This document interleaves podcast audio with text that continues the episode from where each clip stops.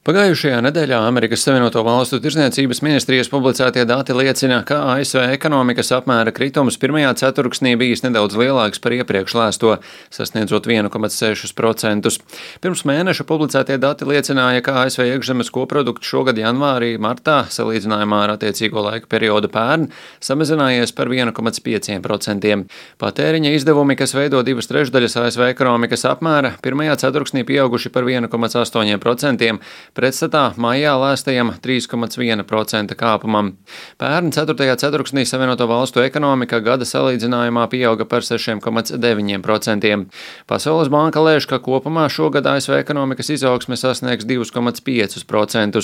Tomēr Tirzniecības ministrijas publicētie dati ir vēl viens iemesls amerikāņu bažām par potenciālo recesiju. Inflācija Savienotajās valstīs ir pieaugusi līdz līmenim, kāds nav pieredzēts gadu desmitiem, ņemot vērā pastāvīgās piegādes ķēdes problēmas, pieaugušā augšās preču un darba spēka izmaksas un naftas cenas, lai gan recesija parasti definējama kā IKP samazināšanās divus ceturkšņus pēc kārtas, tas nav akmenī kalts.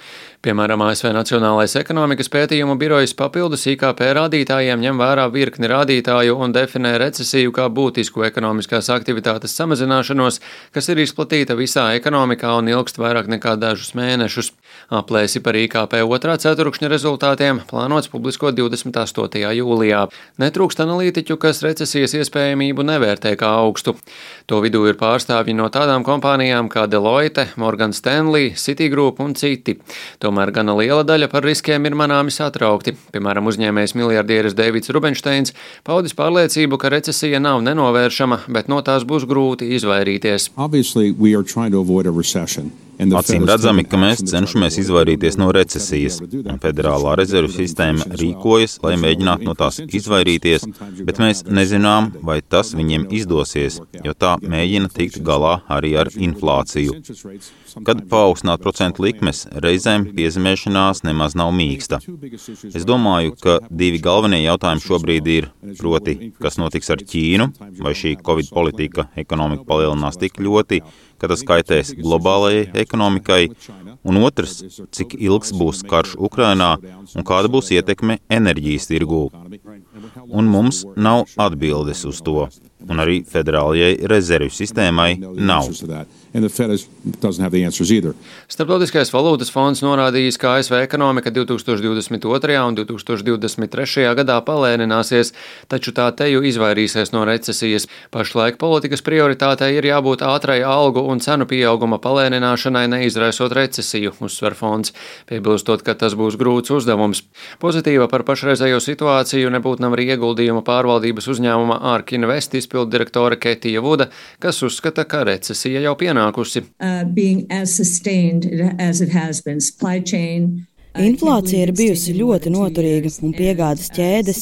Es nespēju noticēt, ka šīs problēmas ar piegādes ķēdēm ilgst jau divus gadus, un Krievijas iebrukums Ukrainā, protams, nevarējām paredzēt arī to.